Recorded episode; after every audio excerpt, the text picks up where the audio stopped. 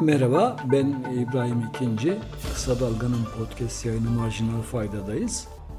Bu hafta da size birkaç konudan bahsedeceğim. Birincisi bankacılık sektöründe olup bitenler hakkında biraz konuşmamız gerekir. E, dış ticaret rakamları e, kötü geliyor. Zaten kötü geliyordu ama e, başka gelişmeler de var. Biraz daha altına bakacağız. Bir de tabii ya işte konuşuluyor hani söylemde dile geliyor işte AKP bir enkaz bırakacak. Bu enkazdan ne anlıyoruz biz? Onu biraz böyle başlık başlık mümkün olduğu kadar netleştirerek vermeye çalışacağım size.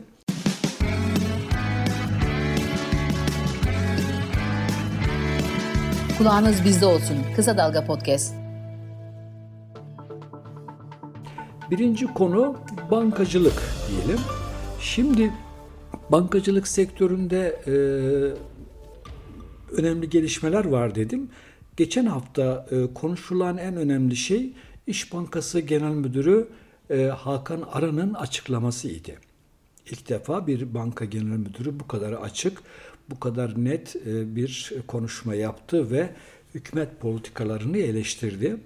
İş Bankası özel sektör bankaları söz konusu olduğunda biraz sözcü bir pozisyondadır öteden beri yarı kamusal reflekslere de sahiptir.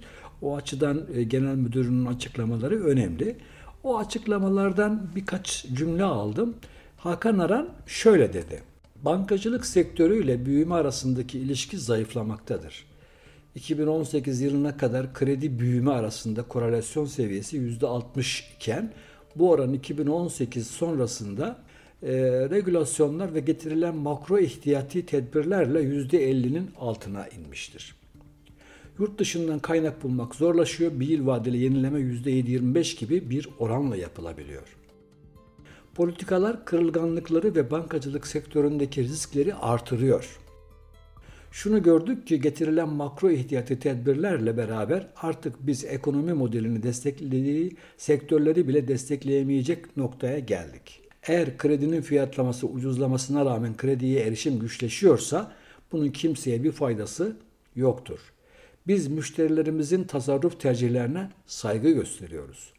İhtiyacından dolayı yabancı para bulunan müşterileri bankalar üzerinden bu tercihlerini değiştirmeye zorlamanın ve bu tercih değişmezse de bununla ilgili bankaların finansal sistemin istikrarını riske atacak şekilde uzun vadeli menkul kıymet tesis etmeye zorlamanın yani almanın ne yeni ekonomi modeline ne üretime ne ihracata ne de istihdama katkısı vardır. Modeli baltalayan aktör gibi gösterilmemize isyan ediyorum.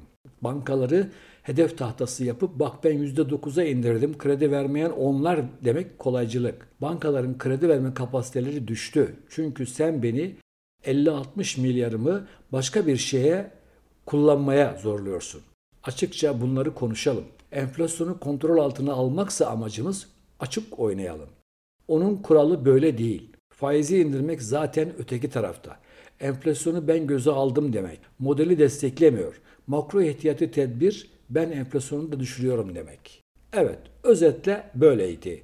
Hakan Aran'ın isyanına neden olan şey şunlar. Yani birincisi bir kere e, kurumlar yani BDDK'sı, Merkez Bankası ben takipteyim, sizi takip ediyorum. Bir kere böyle bir durum var. Yani bankaları çok sıkı bir markajı almış durumdalar. Müşteriler e, kredi alsın ama döviz almasın o krediyle. Yani müşterinin döviz borcu olabilir, ithalat yapması gerekebilir. Yani niye almasın dövize ihtiyacı varsa? E, TL kredi ile döviz borcu kapatmak yasak. Niye yasak? Değil mi? Yani niye yasak? Bunları soruyoruz ama yasaklamış işte e, otorite. TL kredi alan KKM hesabı yapmasın. Ya işine geliyorsa niye yapmasın? Değil mi? Yani maliyetini üstleniyorsa niye yapmasın? TL mevduata yüksek faiz vermeyin diyor mesela. Kendisi çünkü KKM'ye tavan koymuş. Siz de yüksek faiz vermeyin. Enflasyon 85 iken efendim 17-18'den faiz verin. Yani çok 70 puan altında neredeyse enflasyonun. Yurt dışı bankalarla mesai saatleri dışında döviz işlemi yapmayın. Niye yapmayalım? Değil mi? Yani bu çok öteden beri olabilen bir iş. 500 bin dolar nakdi varlığı olana kredi vermeyin. Enflasyon %85 iken %10-12 getirili tahvil alın. Bu tahvilleri almak zorundasınız siz. Eğer zaten hani müşterilerini ara, ikna et, döviz bozdurt. Eğer döviz mevduatın TL mevduatından fazlaysa senin zorunlu karşılık oranını yükseltiyorum. Üstelik bu zorunlu karşılığı da benden bono alıp tesis etmek zorundasın. Merkez Bankası'na bırakmak zorundasın.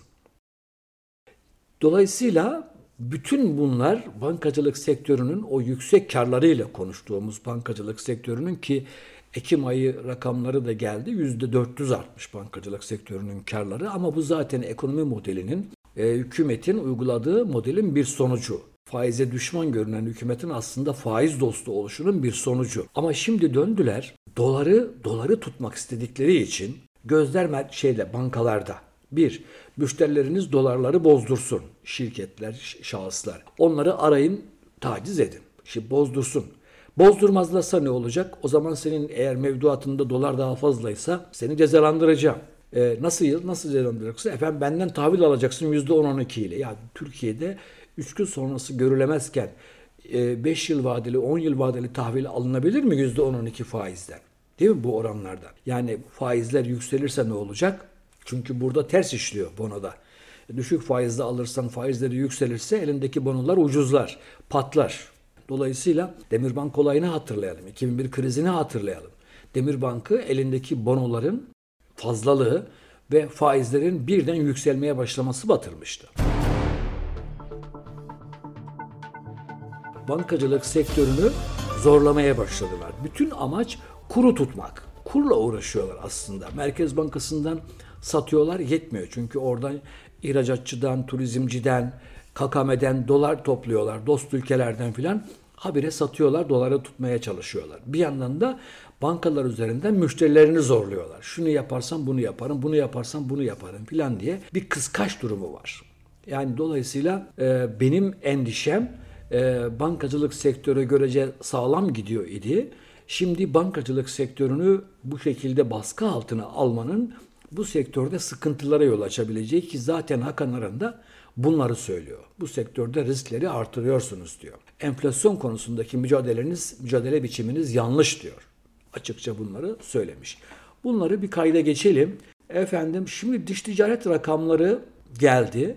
Ekim ayı açığı söyleyeyim şimdi rakama bakıyorum. Aylık açık evet. Aylık açık 8 milyar. Evet şimdi tablodan gördüm 8 milyar. Efendim Ocak-Ekim açığı da 91 milyar dolar. Şimdi Ekim'den sonra ne kaldı? Kasım Aralık kaldı. 2 ayda bu seviyede gelirse zaten aşağı yukarı 110 milyar doları bulmuş olacak. Bu tabii çok büyük büyük büyük bir rakam. Bu tabii e, kur üzerinde baskı yaratacak bir rakam. Cari açığı büyütecek bir rakam.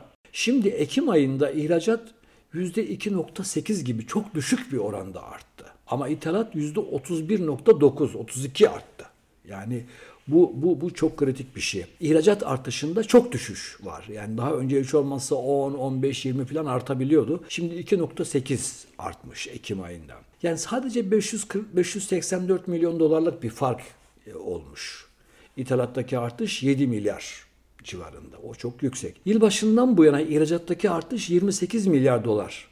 Ama ithalat 85 milyar dolar. İthalattaki artış çok yüksek. Dolayısıyla hani yıl sonu 110 milyar dolar açık gözüktü gibi. Şimdi diyeceksiniz ki bu rakamları birçok yerden biz dinledik. Dinledik ama şimdi Mustafa Mente Dünya Gazetesi'nin yazarıdır. Aynı zamanda Gelecek Partisi'nde politika da yapıyor. Bu TİM'in eski genel sekreteridir. Dolayısıyla dış ticaret konularına çok hakim bir isimdir. O bu rakamlara bakarak bazı e, özel bilgiler de vererek e, durumu analiz etmiş.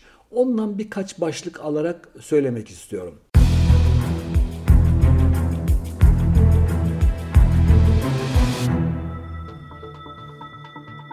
Diyor ki Mustafa Mente, ticaret açığı sürdürülebilir rakamların çok çok ötesinde.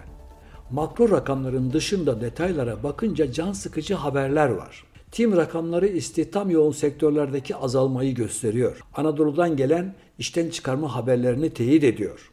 Ekim ayında tekstil ihracatı %9, hazır giyim ihracatı %10 ve halı ihracatı %7 düştü. Avrupa pazarındaki durgunluğun sonucu Maraş ve Antep'ten gelen işten çıkarmalarla örtüşüyor. Çelik ihracatı %38, demir ve demir dışı ürünler ihracatı %8 düştü. Tim rakamları miktar bilgisini de verdiği için tonajlara bakınca emtia fiyatları dışında gerçek düşüşler var. Türkiye'nin ihracatında mamul ürünlerin payı ithalata göre daha yüksek.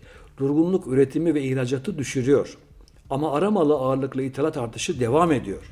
Eylül ayında bu yana devam eden başka bir durum daha var. Enerji hariç ihracatın ithalatı karşılama oranı %20, %27 kötüleşti. Derdimiz sadece pahalı enerji de değil. Geçen sene uygulamaya konan politika iflas etti. 300 dolara çalışan bir iş gücü bile ihracatta rekabetçiliği sağlamıyor. Buradan mevcut iktidar ve ekiple çıkmak mümkün değil. Uzun ve disiplinli bir sanayi politikası ile orta vadede ancak çıkabileceğimiz derin bir krizin içindeyiz. Ya değişim ya derinleşen kriz. Mustafa Menter'in sözleri, sözleri böyleydi. Biz dediğim gibi tim e, rakamlarını, dış ticaret rakamlarını konuşuyoruz ama bu düşüşlerin aynı zamanda işten çıkarmaları olarak da hayata yansıdığını görmemiz lazım. Nitekim bu tekstil, hazır giyim, demir, demir dışı, bütün bunların emek yoğun birçok sektörde işten çıkarmaların başladığını söylüyor. Bu aynı zamanda ekonomik durgunluğa da veya ekonomik büyümede bir hız kaybına da yol açacak gibi gözüküyor.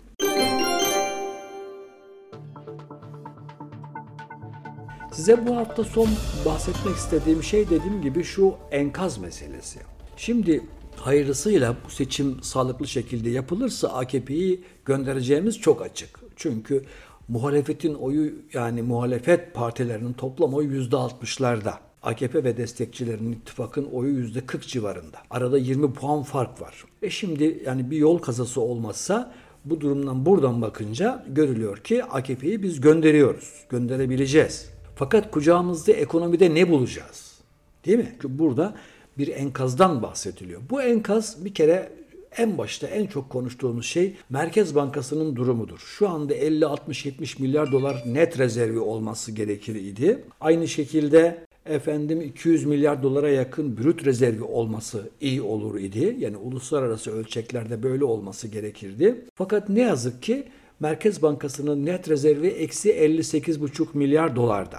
Eksi 58,5 milyar dolarda. Dolayısıyla biz bir kere bir döviz kıtlığıyla yani yeni bir iktidar işi ele aldığında Merkez Bankası'nın kasasını boş ve ekside bulacak. Avrupa Birliği tanımlı borç stoku 4 trilyon liranın üzerinde Avrupa Birliği. Yani merkezi yönetim artı belediyeler, sosyal güvenlik kurumları dahil bakıldığında e, iç ve dış borç yani devletin iç ve dış borcu 4 trilyonun üzerindedir. Mesela son ayda sadece son ayda 500 milyar liraya yakın bir artış olmuş. 3,5'tan 4'e çıkmış. Dolayısıyla eğer bu büyüklükte giderse muhtemelen hani biz 2023'ün Mayıs ayında bir seçim olduğunu varsayalım. Biz muhtemelen 5, 5 trilyonu geçmiş bir borç stokuyla karşı karşıya kalmış olacağız. Dolayısıyla yeni hükümetin kucağında bulacağı ikinci sıkıntılı alanda budur. Yani yüksek bir kamu borçluluğu. İthalat bağımlısı bir sanayi yapısı.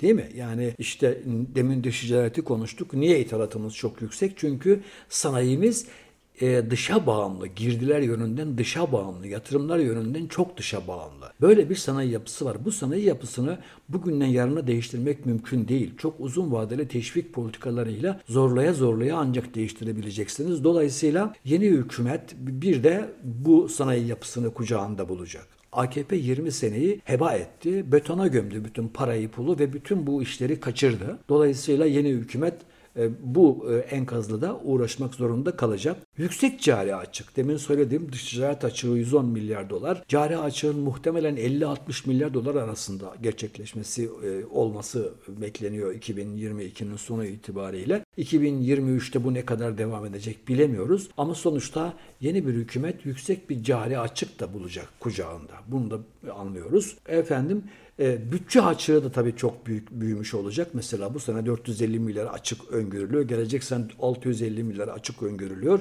Bunun da üstüne çıkabilir. Dolayısıyla 1 trilyon 1 trilyona yakın bir bütçe, açık bir bütçede yeni hükümetin kucağında olacak. Bozulmuş bir gelir dağılımı. Bu çok önemli. Sosyal huzurumuzu bozan, darmadağın eden, bütün dar gelirli kesimleri büyük sıkıntıya sokan bu tablonun değişmesi gerekiyor. Bunun da bir vergi politikalarıyla efendim sosyal destek politikalarıyla, maaş ve ücret artışlarıyla bu şeyin bozulmuş dengenin yeniden rayına oturtulması gerekecek. Bu da çok çetin, çetrefilli, ağrılı bir süreç. Bunu e, kestirebiliyoruz. %70-80 enflasyonla yani baz etkisi çalışsa bile o baz etkisi 2023 e, yılının e, ilk birkaç ayı için etkili olacak. Daha sonra enflasyon artışları devam edecek gibi gözüküyor. Dolayısıyla yeni hükümetin bir de yüksek bir enflasyonu kucağında bulacağı kesin. Hani eskiden diyorlardı biz bir yılda onu tek haneye çekeriz ama şimdi artık onu diyen yok. Herkes bir yıl iki yıldan bahsediyor. Zaten iki yıldan az bir zaman içerisinde doğru politikalarla enflasyonu tek haneye çekmek imkanı bence de yok. Yani bu çok zorlu bir iş. Kapana dönüşen bir KKM var. Orada efendim 100 e, milyar dolara yakın bir kaynak TL 2 trilyona gittiğini düşünürsek dolayısıyla bunun bu KKM'nin kaldırılması halinde buradaki bağlı TL'nin yeniden dolara dönmesi riski var. Dolayısıyla hani bu KKM'yi sürdürmek belki de gerekebilecek bir süre daha. Bundan bir çıkış stratejisinin bulunması ve uygun iktisadi koşulların oluşturulması gerekiyor ki Türkiye yeni bir kriz kur şokuyla cebelleşmesin. Dolayısıyla bir de bu şeyi yani buna e, yazar Alaaddin Aktaş ve hükümetin kucağında bulacağı üç bombadan biri olarak bunu saymış idi. Gerçekten de böyle. 3 trilyona yakın garanti yükü kucağında bulacak hükümet 2045 yılına kadar devam edecek garanti ödemeleri var bu yandaş müteahhitlere. Dolayısıyla bununla boğuşmak gerekecek. Tahrip edilmiş bir doğamız var biliyorsunuz. Efendim yıkılmış kurumlarımız var. Çökertilmiş piyasalarımız var. Borsamız yıprandı en son hatırlıyorsunuz bir takım e, manipülatif olaylar yüzünden. Tahvil piyasası sıkıntıda, döviz piyasası sıkıntıda, kredi piyasası sıkıntıda çalışmıyor. Bütün bu işlerin düzeltilmesi gerekecek ve bütün bu işler için de tabii ki itibarlı kurumlara ihtiyaç var. Çalışan itibarlı yetkili kurumlara ihtiyaç var. Dolayısıyla bütün bunları üç günde yani bugünden yarına e, kurmak, oluşturmak mümkün değil. Efendim bir sürü tarif edilmiş rakam var, göstergeler var. Bütün bunları yeniden düzenlemek gerekecek. 8 milyon işsiz var memlekette. Geniş tanımda işsizlik 8 milyon civarında. 4.2 milyon insanımız biliyorsunuz sosyal yardımlarla yaşıyor. Bu işte o gelir dağılımının büyük bir enkaz, büyük bir sonucu. Bunu değiştirmek gerekecek. İşte yurtsuz çocuklarımız, sütsüz bebelerimiz var. Yıkılmış üniversitelerimiz var. Huzuru kaçmış bir toplumumuz var. Dolayısıyla e, hakikaten bir enkazdan bahsediyoruz. Önümüzde bir yeni hükümet söz konusu olduğunda e, bütün bu enkazla uğraşacak ve hakikaten hani bugünden yarına olacak işler de değil bunlar. Biz bir iki yıl daha çile çekmeye devam edeceğiz gibi görünüyor. Bu haftalık da bu kadar. Kendinize iyi bakın. Önümüzdeki hafta tekrar görüşür konuşuruz.